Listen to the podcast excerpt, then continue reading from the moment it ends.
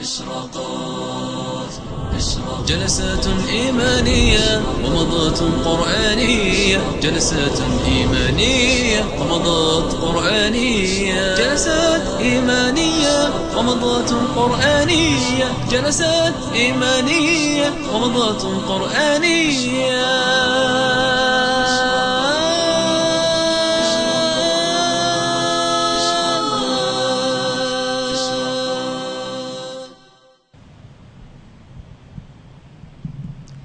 بسم الله الرحمن الرحيم. إن الحمد لله نحمده ونستعينه ونستغفره ونتوب إليه ونصلي ونسلم على خاتم رسله وأفضل أنبيائه وخيرته من خلق محمد صلى الله عليه وعلى آله وأصحابه وأزواجه وأتباعه بإحسان إلى يوم الدين وسلم تسليما كثيرا. المطففين أو ويل للمطففين أو التطفيف هو عنوان واسم هذه السورة المباركة.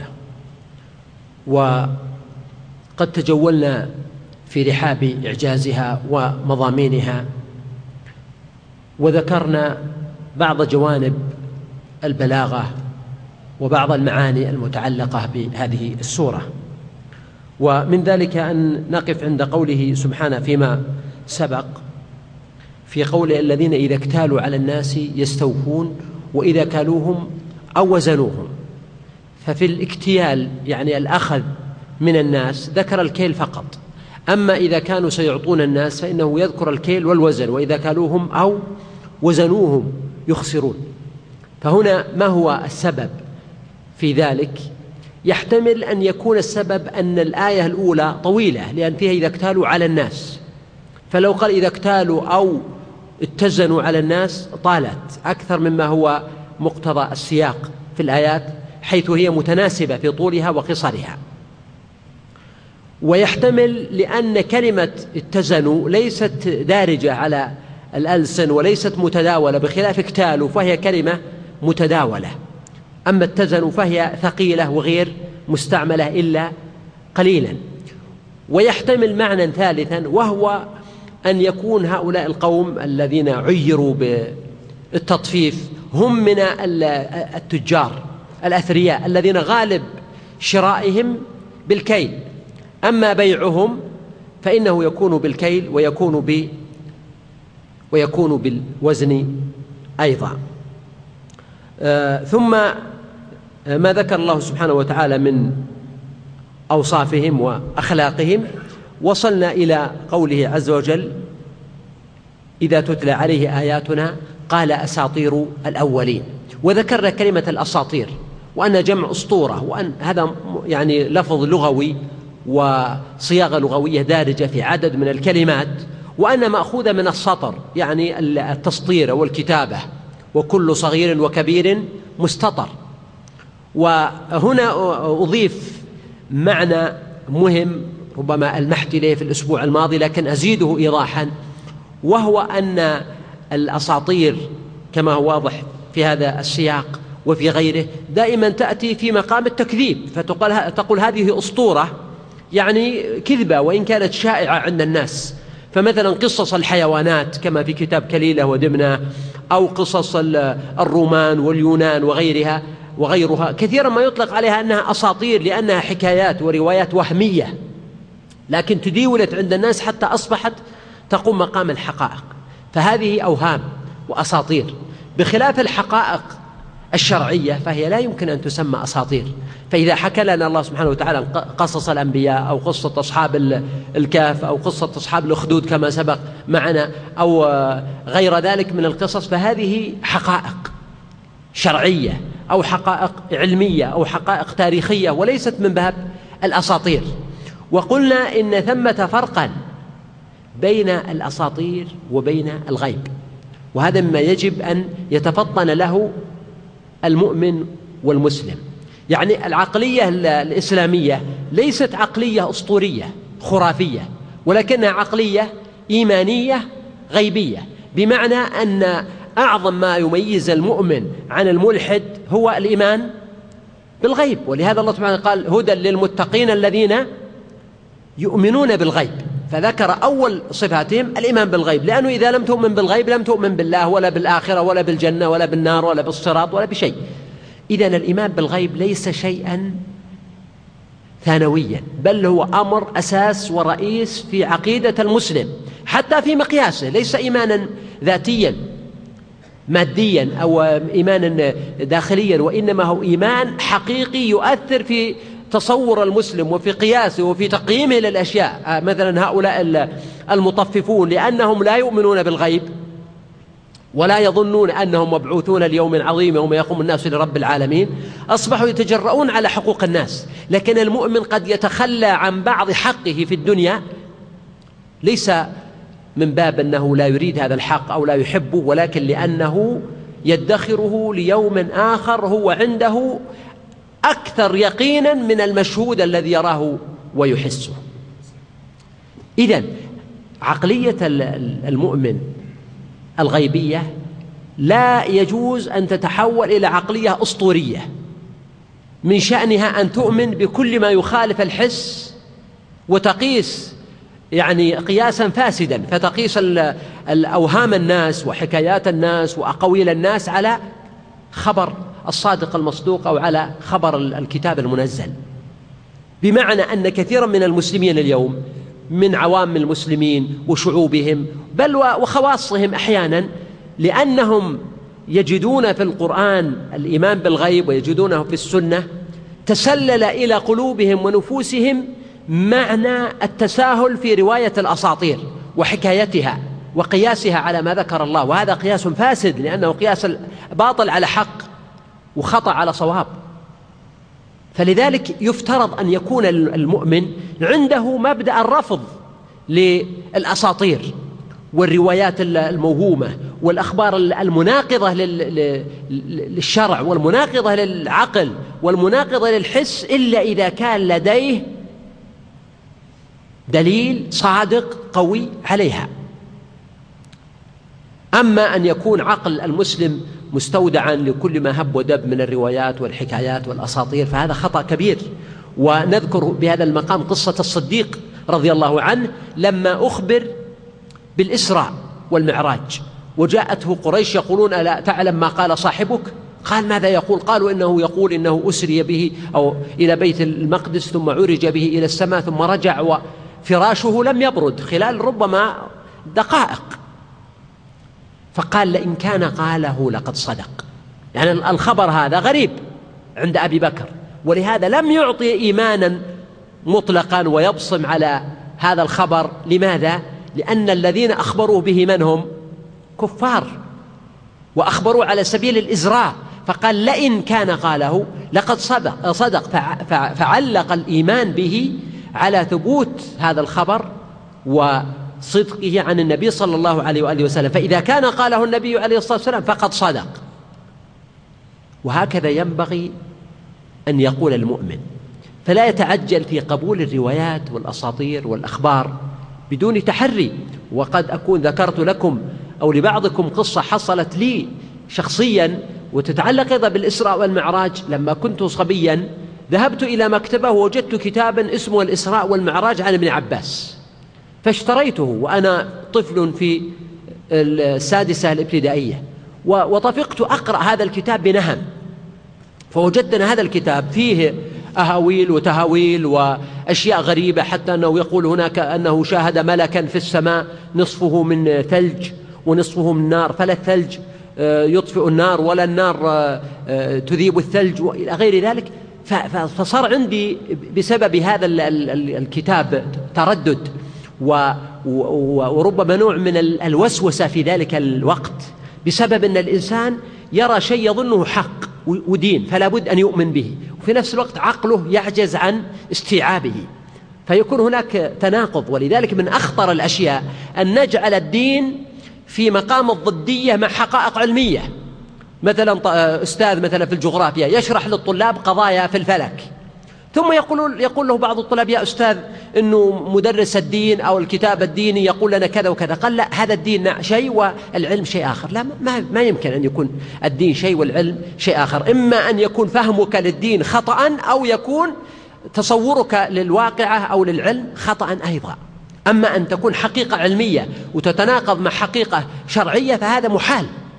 لا يمكن أن يتصور أبدا. فالمقصود هنا أنه لما نسمع أشياء ينبغي أن نتأنى فيها. ولا نتقبل ما يمكن أن يقال. حتى لو رواه لنا إنسان ثقة لا يلزمنا قبوله وإنما الذي يلزمنا هو قبول ما جاء في الكتاب والسنة. فلو قال لنا مثلا قائل عن خبر يتعلق مثلا بعذاب القبر أو يتعلق ب يعني أمر من الأمور. هنا ينبغي أن نتأنى في قبولها. أو قال لنا قائل عن كرامات حصلت لفلان أو علان. لا يلزم الإيمان بخصوص هذه الكرامات لكن نؤمن بالمبدأ العام. وفي هذه الأيام يكثر السؤال عن شريط آه، متداول في الإنترنت آه، مزعوم بأنه يصور أو أو يسجل صراخ المعذبين في قبورهم وأنه سجله بعض علماء الروس. وعلق عليه بعض آه، كبار المشايخ والأساتذة المتخصصين في ما يتعلق بالإعجاز العلمي. وأقول إن كثير من المشايخ الذين تكلموا في الإعجاز كالشيخ عبد المجيد الزنداني والأستاذ زغلول النجار لهم سابقة وفضل وقدم صدق وبلاء وتأثير كبير جدا على شباب المسلمين وعلى غير المسلمين أيضا. ولهم لفتات جميلة أيضا في فهمهم للقرآن وفي آه، يعني الربط بين القرآن وبين حقائق العلم. لكن ينبغي أن يكون هناك يقظة أن مثل هذه الأشياء المتعلقة بالغيب والآخرة ينبغي أن يحذر منها. فأنا لا أظن ولا أوافق على أن نقول أن هذه الأصوات هي أصوات المعذبين لأن الله سبحانه وتعالى جعل عذاب القبر من عالم الغيب البرزخ يعتبر غيبا. ولو أن الناس آه، سمعوه وشاهدوه لكان من عالم الشهادة.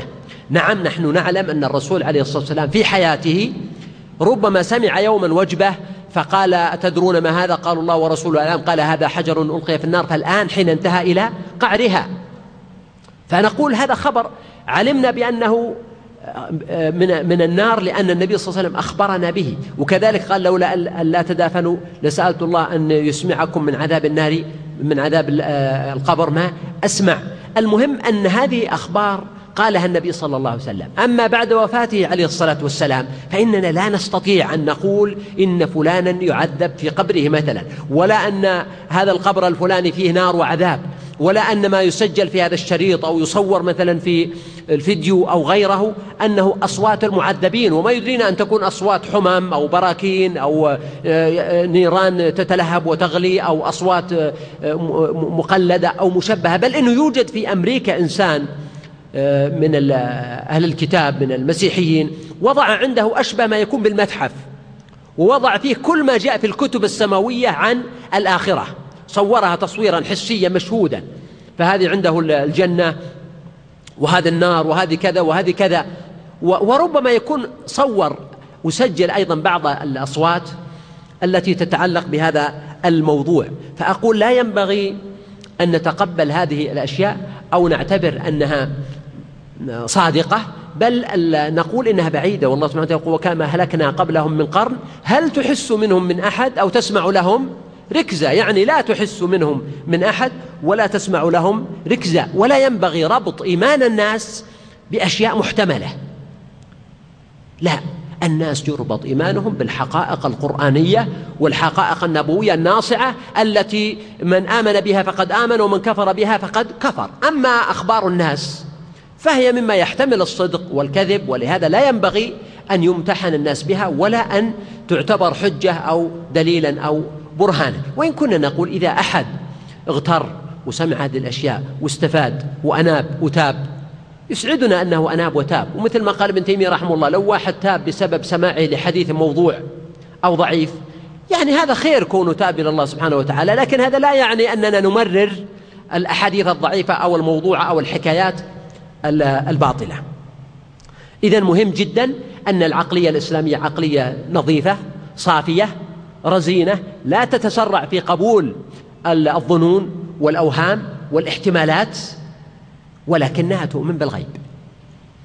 ثم قال الله سبحانه وتعالى كلا بل ران على قلوبهم ما كانوا يكسبون. وكلا كما سبق مرارا هي نوع من الإضراب أو الزجر أو الانتقال من موضوع إلى موضوع ولا شك أنها هنا المقصود بها يعني ليس الأمر كذلك الرد والزجر لأنه لما قال أساطير الأولين قال الله تعالى كلا يعني ليست الآيات هي أساطير الأولين وإنما هي كلام رب العالمين.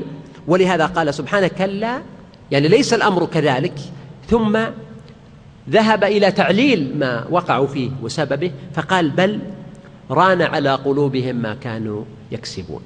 يعني كذبوا بسبب الران الذي غطى على قلوبهم. كلا بل ران على قلوبهم ما كانوا يكسبون. فالران هنا هو غلاف يكون على قلب الإنسان يسمى الران أو الرين وأشد منه الطبع وطبع الله على قلوبهم وأشد منهما القفل أم على قلوب أقفالها وهي درجات تصيب قلب الإنسان بحيث أن قلب الإنسان هنا لا يكون نقيا قابلا لانعكاس الحقائق عليه. وهنا القلوب التي غطى عليها الران يعني اولا لا تتقبل الحقائق. كأن كحقيقة أن هذا كلام الله سبحانه وتعالى وأن الرسول صلى الله عليه وسلم صادق. فتماري وتجادل في الحق كما قال الله سبحانه وتعالى وجادلوا بالباطل ليدحضوا به الحق. فتجادل بالحقائق لأن هذه القلوب ليست محلا لقبول الحق. وأيضا هذه القلوب التي غطى عليها الران تصبح ليست محلا للمعاني والأعمال الطيبة.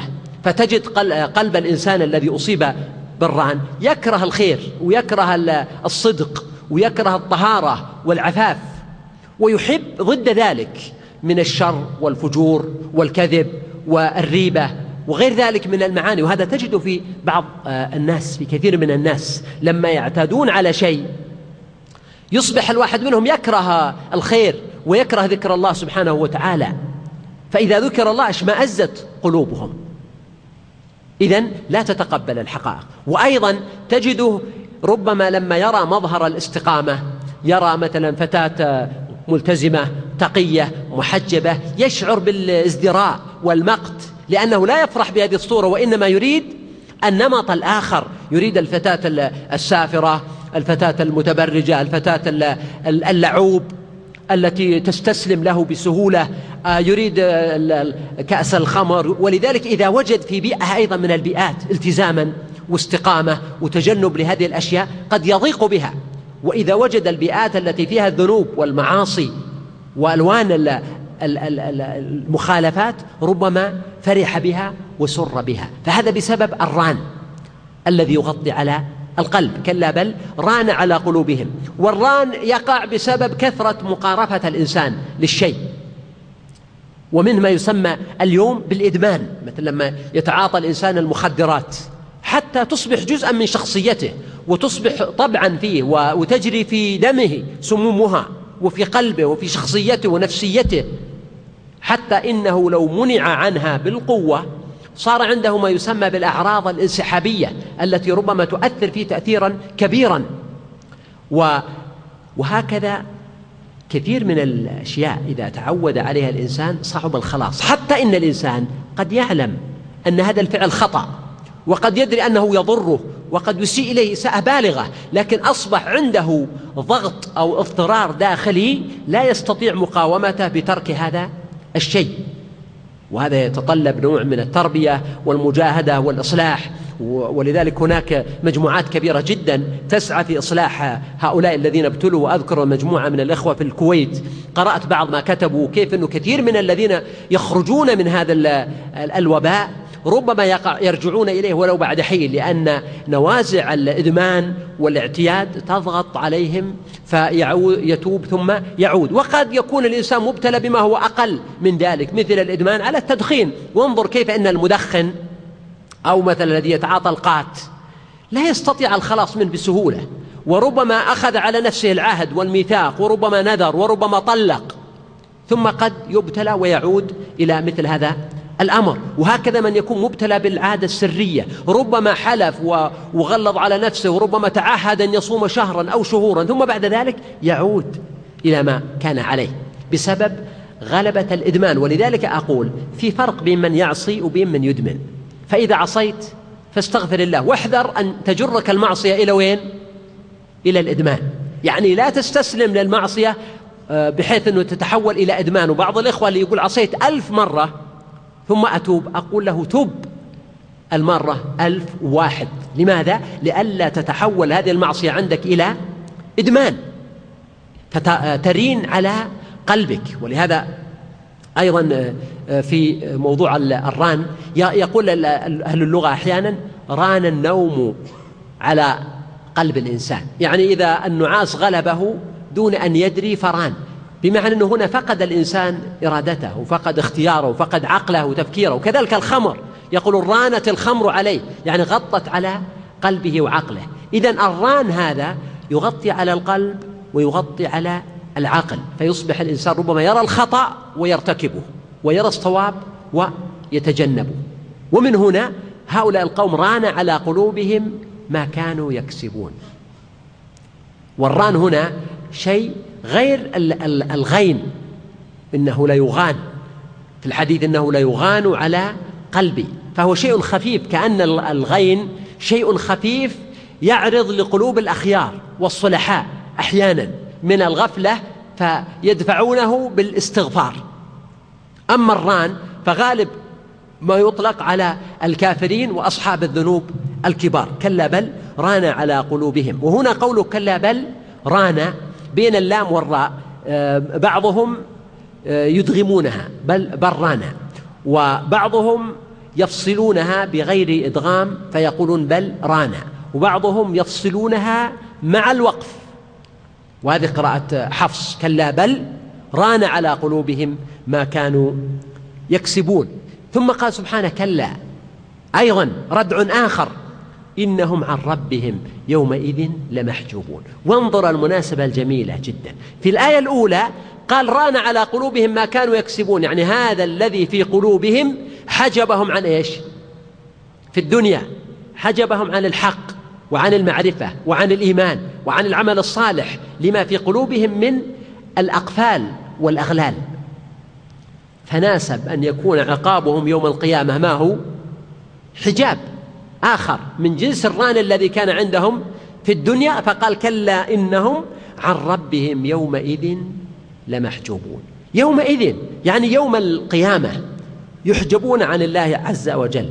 والحجاب عن الله كما قال الطبري وغيره يشمل أمرين. أولا الحجاب عن كرامته سبحانه فيحجبون عن الرضوان عن الجنة عن النعيم. والنوع الثاني هو الحجاب عن رؤيته. سبحانه فلا يرونه كما يراه المؤمنون. ولذلك قال الإمام مالك رحمه الله والشافعي أنه يعني تجلى لأهل كرامته واحتجب عن أهل معصيته. ولذلك في الآية دليل على رؤية المؤمنين ربهم يوم القيامة وجوه يومئذ ناظرة إلى ربها ناظرة.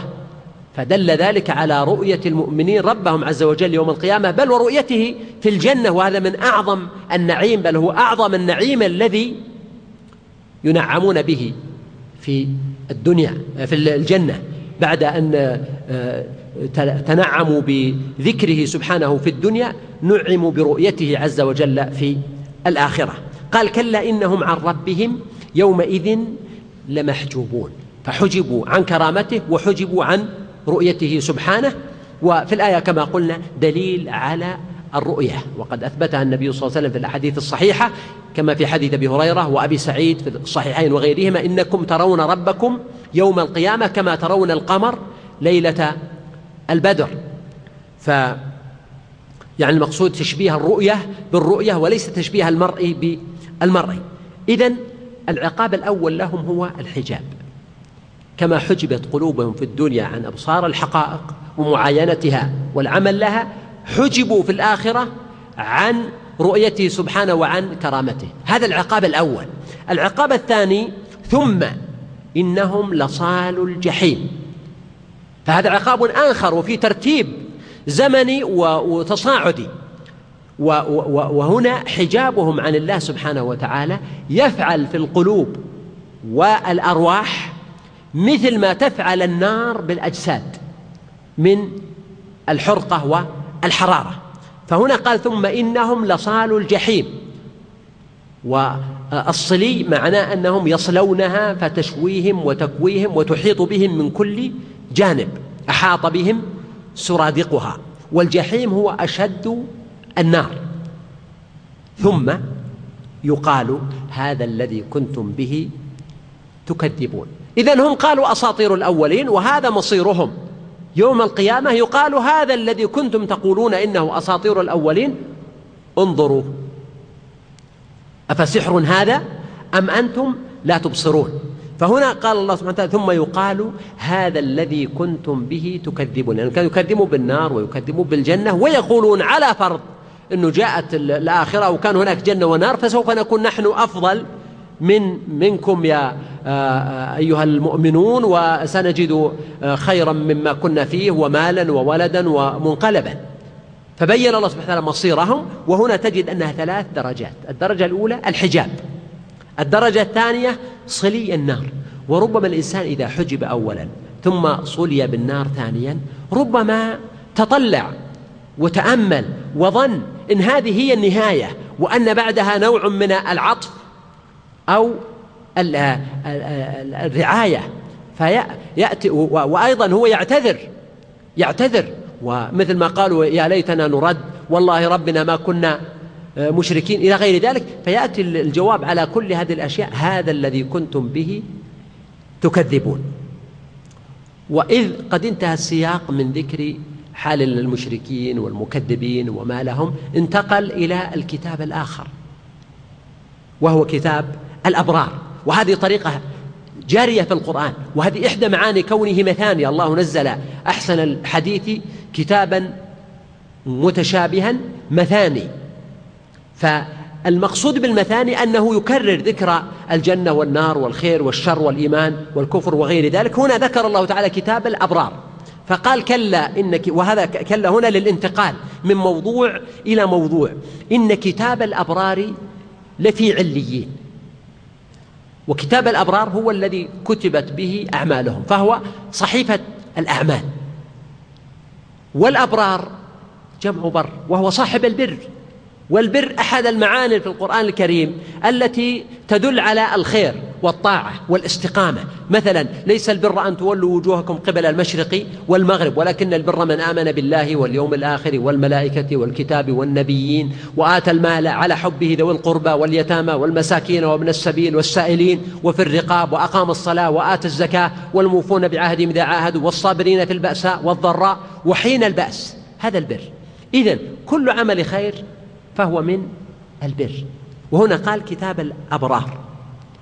يقول الحسن البصري رحمه الله الأبرار هم الذين لا يؤذون شيئا حتى الذر.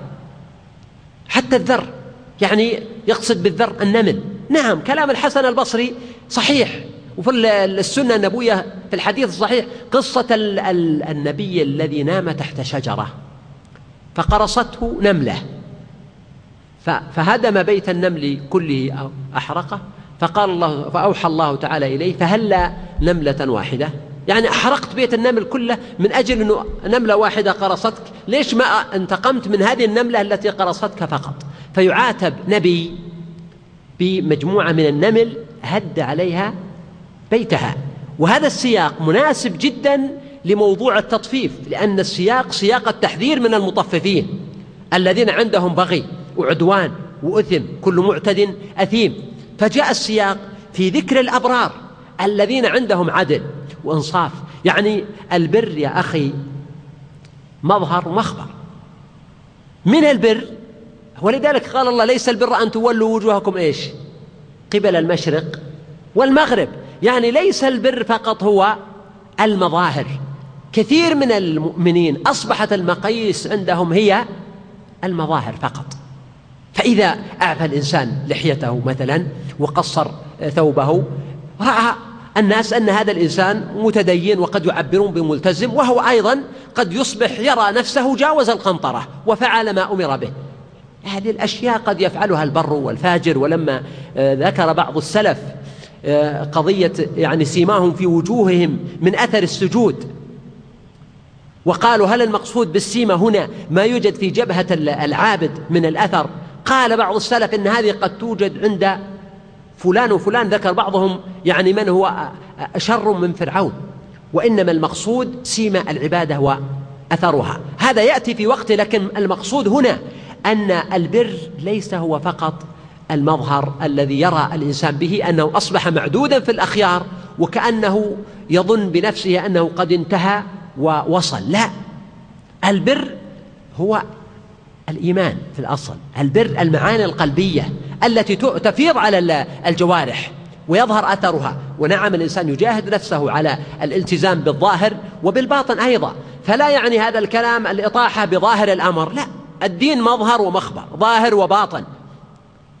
سلوك وعمل وحتى الإيمان نفسه السلف لما عرفوا قالوا الإيمان قول وعمل واعتقاد. لكن لا شك أن الاعتقاد هو الأصل. ولهذا النبي عليه الصلاة والسلام لما عرف الإحسان قال أن تعبد الله كأنك تراه. وهذا شيء في القلب والضمير. وكذلك الإيمان هو الإيمان بالله وملائكته والإيمان في القلب والإسلام هو العلانية. إذا أو أعظم الدرجات الإحسان وهو في القلب. ويليه درجة الإيمان وهي في القلب أيضا. ثم درجة الإسلام وهي الظاهر. الظاهر الموافق للباطن.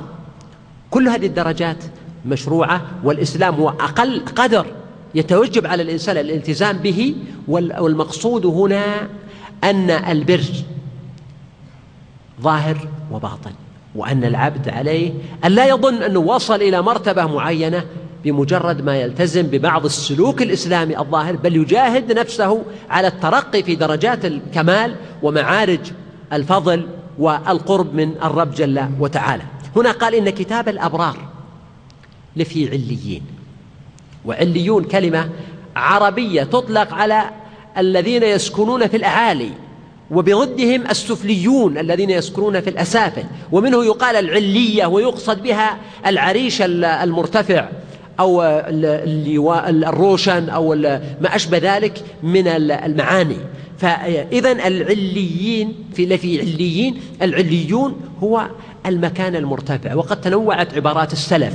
والمفسرين. فقال بعضهم مثلا سدرة المنتهى وقال بعضهم السماء السابعة وقال بعضهم عند العرش وقيل آه، غير ذلك. والمقصود بالعليين على القول الراجح العلو والارتفاع. كما أن كتاب الفجار في سجين وقلنا إن من معاني سجين السجن والسفل كتاب الأبرار في عليين ومن معاني العليين العلو والارتفاع.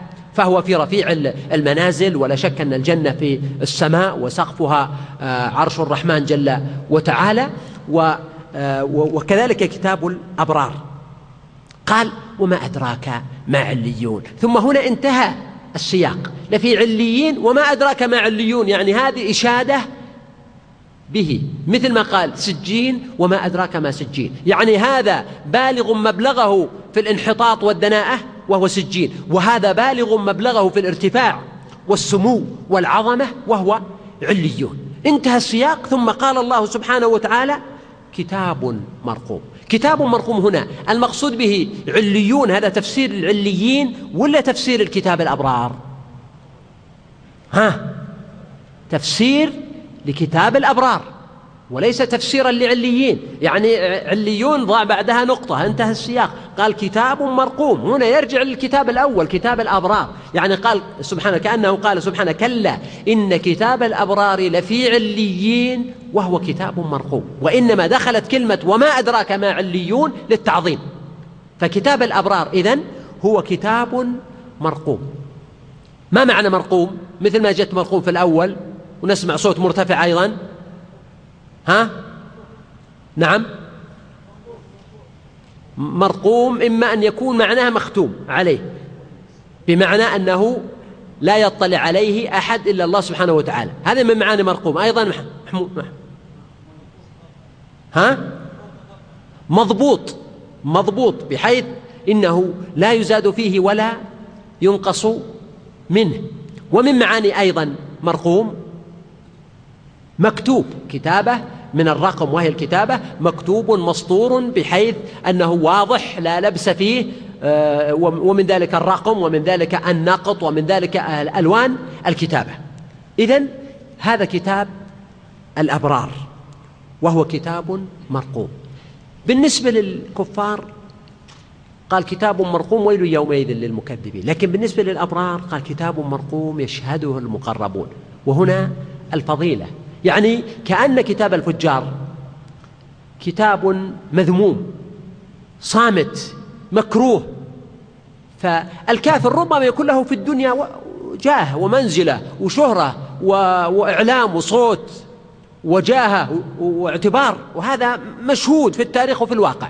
لكن إذا مات انتهى أمره في الآخرة. وقصارى ما يكون له من النعيم هو ما عجل الله تعالى له في الدنيا. وقد يظل له ذكر إلى يوم القيامة بخير عمله يعني ذكر في الدنيا عند الناس لكن وما له في الآخرة من خلاق ولذلك لما ذكر كتاب الفجار لم كأنه لم يشهده أحد. ولا لا؟ لأنه قال كتاب مرقوم ويل يومئذ للمكذبين. لكن لما ذكر كتاب الأبرار قال يشهده المقربون. خير بر يشهده المقربون. ما معنى يشهده؟ يعني يحضره.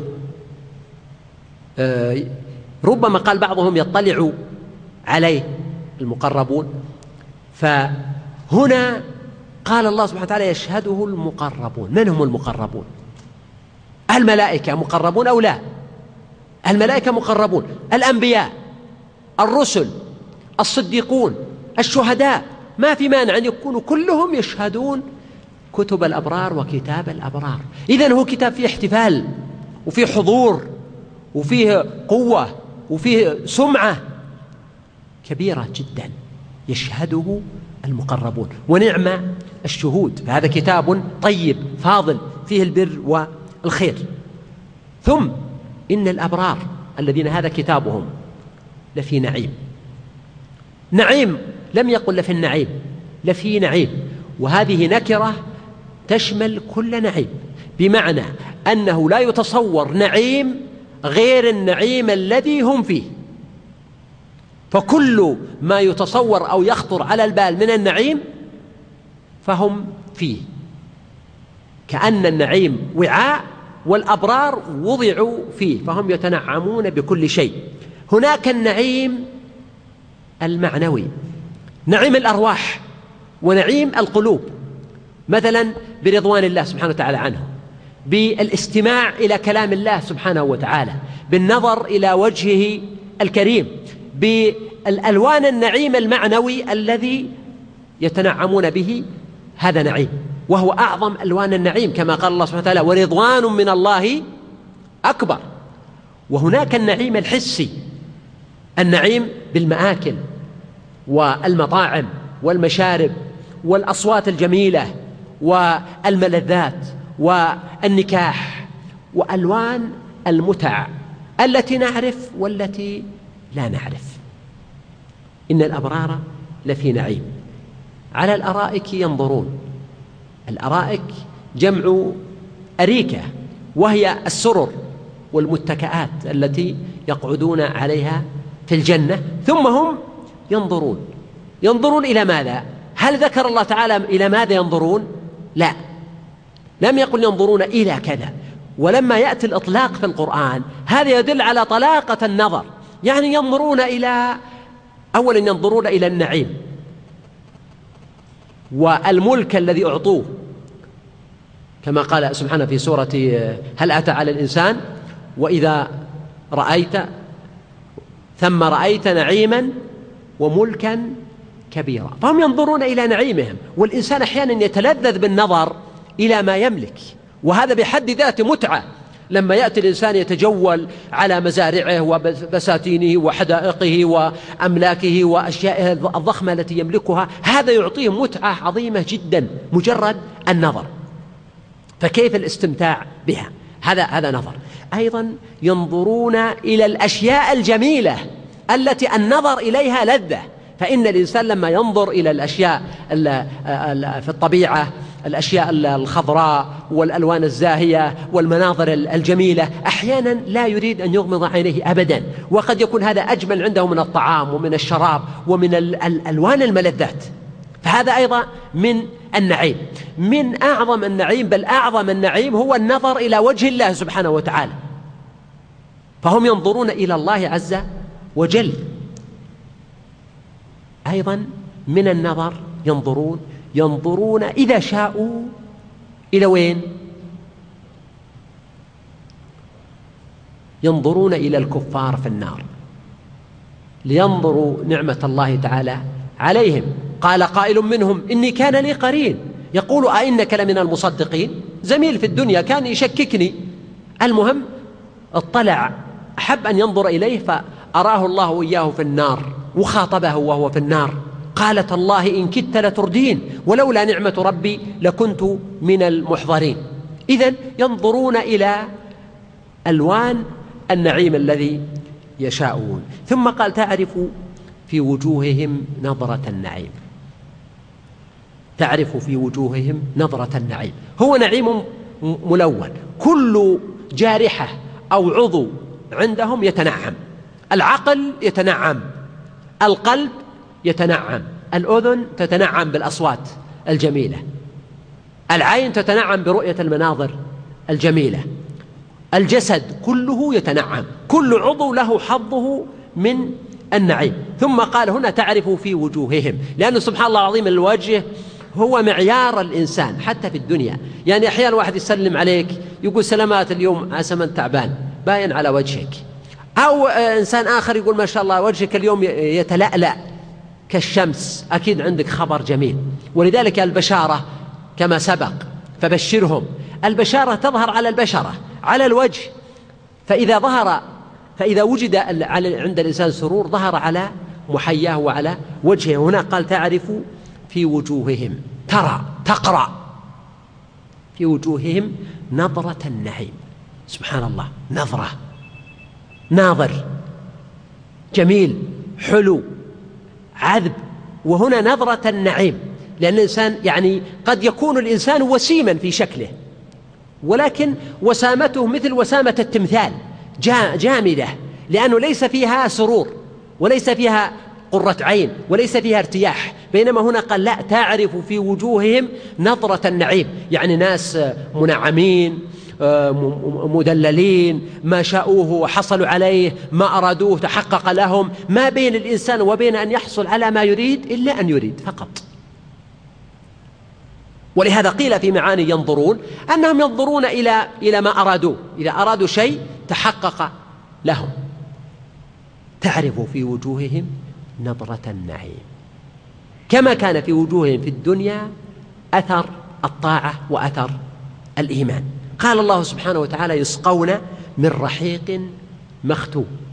هذه من ألوان نعيمهم أنه يدار عليهم وهم في مجالسهم وسمرهم وأنسهم يسقون من رحيق مختوم. والرحيق أكثر المفسرين على أنه الخمر.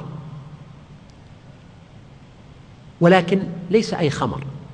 أولا الرحيق من معانيها الصافي.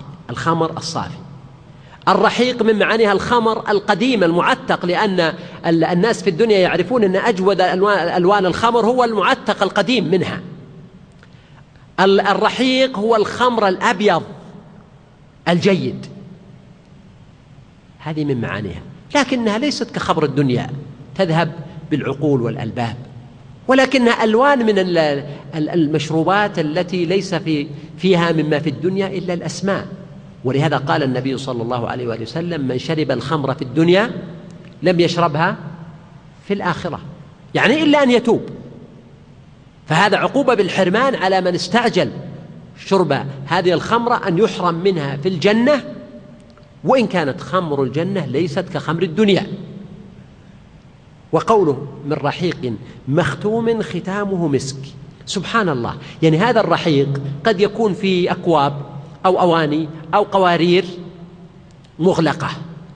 هذا أقرب ما يكون في معنى مختوم يعني عليه ختم أو إغلاق بحيث أن هذا الكأس أو هذه القارورة خاصة بصاحبها. وهذا من كمال التنعم هو الذي يقوم بفكها وفضها. مختوم لكن مختوم بماذا؟ الختم نفسه مسك. ولذلك ختامه مسك وفي بعض القراءات ختمه مسك. فالختم الذي ختم به على القارورة أو على الكأس والكوب هو مصنوع من المسك. فما بالك ما يكون بداخلها؟ وفي ذلك فليتنافس المتنافسون. شوف يعني أهل التطفيف في الدنيا كانوا يتنافسون بالدرهم والدينار والقرش والريال ويعني قسم قليل من الشعير أو من الطعام يأخذونه من أفواه الفقراء والمساكين. كذا ولا لا؟ فويل للمطففين. أما هؤلاء المؤمنون فإنهم تنافسوا في هذا النعيم العظيم الذي يحق لهم أن يتنافسوا فيه. فالله سبحانه وتعالى يقول وفي ذلك فليتنافس المتنافسون. يعني هذا هو المكان الذي يجب أن يتنافس فيه الناس. هذه المكارم لا قعبان من لبن شيبا بماء فعادا بعد أبوالا وفي ذلك فليتنافس المتنافسون. وهذا فيه إشارة إلى مشروعية التنافس في الخير التنافس في العلم التنافس في الطاعة. ولهذا يقول الفقهاء لا إيثار في القرب على ما في هذه الكلمة لكن المقصود أنه في مجال القربات والطاعات ينبغي أن يتنافس الناس وقوله وفي ذلك فليتنافس المتنافسون فيه إشارة وإيماء إلى أن هذا هو الذي يتنافسون فيه لكنه لا يمنع أبدا من التنافس في غيره مما أحل الله. إذن الآية أمرت بأن يتنافس الناس في الخير. وفي كل ما يقرب إلى الله وفي كل ما يوصل إلى النعيم. فمن ذلك التنافس مثلا في الأخلاق الفاضلة التنافس بالعلم النافع التنافس مثلا بالإحسان إلى الفقراء التنافس بالعمل الصالح التنافس بالتبكير إلى الصلوات والجمع والجماعات التنافس في قراءة القرآن التنافس في ذكر الله سبحانه وتعالى والتنافس في كل ما من شأنه أن يوصل إلى هذا النعيم. هذا كله مما أمر الله به. وهذا أيضا لا يعني المنع من التنافس فيما قد يكون خيرا وإن لم يكن مباشرا إلى هذا. مثل التنافس في تجارة ينفق الإنسان منها في سبيل الله. التنافس في وظيفة قد يجعلها الإنسان في مرضاة الله وطاعته. التنافس في منصب من شأنه أن ينفع الناس كما يتنافس اليوم مثلا في الانتخابات أو غيرها. فهذا يرجع إلى نية الإنسان وإلى آه، قصده إذا تنافس وكان آه، قصده حتى لو كان عنده نوع من الطمع في سمعة أو مكانة أو جاه هذا مما لا يلام عليه الإنسان وهو طبيعة. لكن فرق بين إنسان في نيته أنه سينفع الناس وبين إنسان أبدا. همه وهدفه أن يقال فلان ابن فلان ثم ينتهي الأمر عند هذا الحد. وأحيانا لا يمكن تحصيل الخير إلا بشيء من يعني حظ النفس. ولذلك ينبغي على الإنسان أن يراعي ماذا يقصد وماذا يريد. فهنا الله سبحانه وتعالى أشار إلى هذا التنافس ولو أن الناس تنافسوا في الدنيا المحضة تنافسا لا يخرج عما أحل الله فإن هذا ليس ملوما على الإطلاق لأن الله تعالى أذن بعمارة الدنيا. فأن يتنافس الناس مثلا في تجارة أو في وظيفة أو في علم تنافس تنافسا شريفا. مبناه أنني أبذل قصارى جهدي وأسهر وأتعب وأذاكر وأجتهد. هذا ليس بمذموم بل بهذا تفوقت الأمم. أما إذا كان التنافس على ما هو موجود عندنا اليوم يتنافس الإنسان إلى كسب رضا المسؤول حتى بمعصية الله وإلى تحريك بعض الواسطات والشفاعات وإلى دفع الرشوة لزيد وعبيد وإلى غير ذلك من الأساليب والطرائق الملتوية المذمومة فهذا لا شك أنه يدخل في الذم إذا كل هذه المعاني داخلة في قوله سبحانه وفي ذلك فليتنافس المتنافسون. كما في الآية الأخرى والسابقون السابقون أولئك المقربون. فالسابقون هم الذين تنافسوا وفازوا في التنافس. وأيضا قول فليتنافس المتنافسون في معنى لطيف أن مجرد دخولك حلبة المنافسة محمود أو مذموم. محمود لأنك تكون من ضمن المتنافسين. وكونك سبقت آه، في الأول أو أتيت في الثاني أو الثالث لا بأس. بحسبك أن تكون من المتنافسين كما قال النبي صلى الله عليه وسلم لبعض قبائل الأنصار لما سمعوا أن النبي عليه والسلام فضل عليهم غيرهم فقالوا يا رسول الله يعني قال بحسبكم أن تكونوا من الخيار بحسبكم أن تكونوا من الخيار فأنت بحسبك أن تكون من المتنافسين الذين دخلوا الحلبة في منافسة على خير أو بر أو تقوى. قال الله عز وجل ومزاجه من تسنيم عينا يشرب بها المقربون. مزاجه مزاج يعني من المزج وهذه كلمة تستخدم كثيرا. يقصد بها الشيء المختلط الممزوج. حتى أنها تستخدم في الأشياء المعنوية أحيانا. تقول فلان اليوم مزاجه متعكر مثلا. وش المقصود مزاجه؟ يعني تكوينه النفسي نفسيته ليست على ما يرام. جاءت عنده أمور يعني خلطت الأوراق عنده. فالمزاج هو المزج. يعني لما تأتي بماء وتخلطه مع اللبن مع الخمر مثلا مع شراب يقال هذا مزيج أو مزاج. ممزوج بعضه ببعض. فهذا الشراب الطيب الذي يشربه المؤمنون المتنافسون في الخير. مزاجه من تسنيم. تسنيم. وتسنيم هذا آه، عين في الجنة. هي أفضل ماء الجنة. ولذلك سميت تسنيما من السنام. وسنام الإبل معروف هو أعلاه. ولذلك قيل إن هذه العين تجري فوق بيوت أهل الجنة كما قال بعض المفسرين. إذن هي من السنام من تسنيم يعني مرتفعة مرتفعة بذاتها مرتفعة بقيمتها مرتفعة بعظمتها مرتفعة بتميزها. فهي خير شراب أهل الجنة التسليم. ولهذا قال ابن عباس رضي الله عنه وابن مسعود عند هذه الآية ومزاجه من تسنيم قال تمزج لأصحاب اليمين مزجا ويشربها المقربون صرفا. تمزج لأصحاب اليمين مزجا يعني يشربونها ماء ممزوجة مع غيرها. أما المقربون فإنهم يشربونها صرفا يعني غير ممزوجة.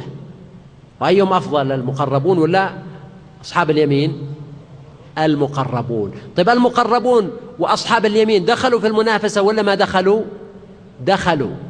فهذا الذي يتنافس فيه المتنافسون. وليس هذا فعل أصحاب التطفيف في الكيل والميزان. والحكم على الإنسان فهذا الذي يتنافس فيه المتنافسون من أصحاب اليمين والمقربين وسائر المؤمنين مزاج شرابهم من التسنيم. ما هو التسنيم؟ قال تعالى عينا يشرب بها المقربون. ولهذا قال يشرب بها المقربون. فالمقربون يشربون منها يعني بها منها. وهذا معروف في اللغة. أما غيرهم من الأبرار وأصحاب اليمين فهم تمزج لهم مزجة. ففي الآية بين الله سبحانه وتعالى كما قال ابن عباس وابن مسعود أنها ممزوجة بالنسبة للأولين صرفا بالنسبة للآخرين ولهذا قال يشرب بها المقربون. نقف إن شاء الله عند هذا الحد ونكمل في الأسبوع القادم بقية آه، السورة جلسات إيمانية ومضات قرآنية. جلسات إيمانية ومضات قرآنية. جلسات إيمانية ومضات قرآنية. جلسات إيمانية ومضات قرآنية.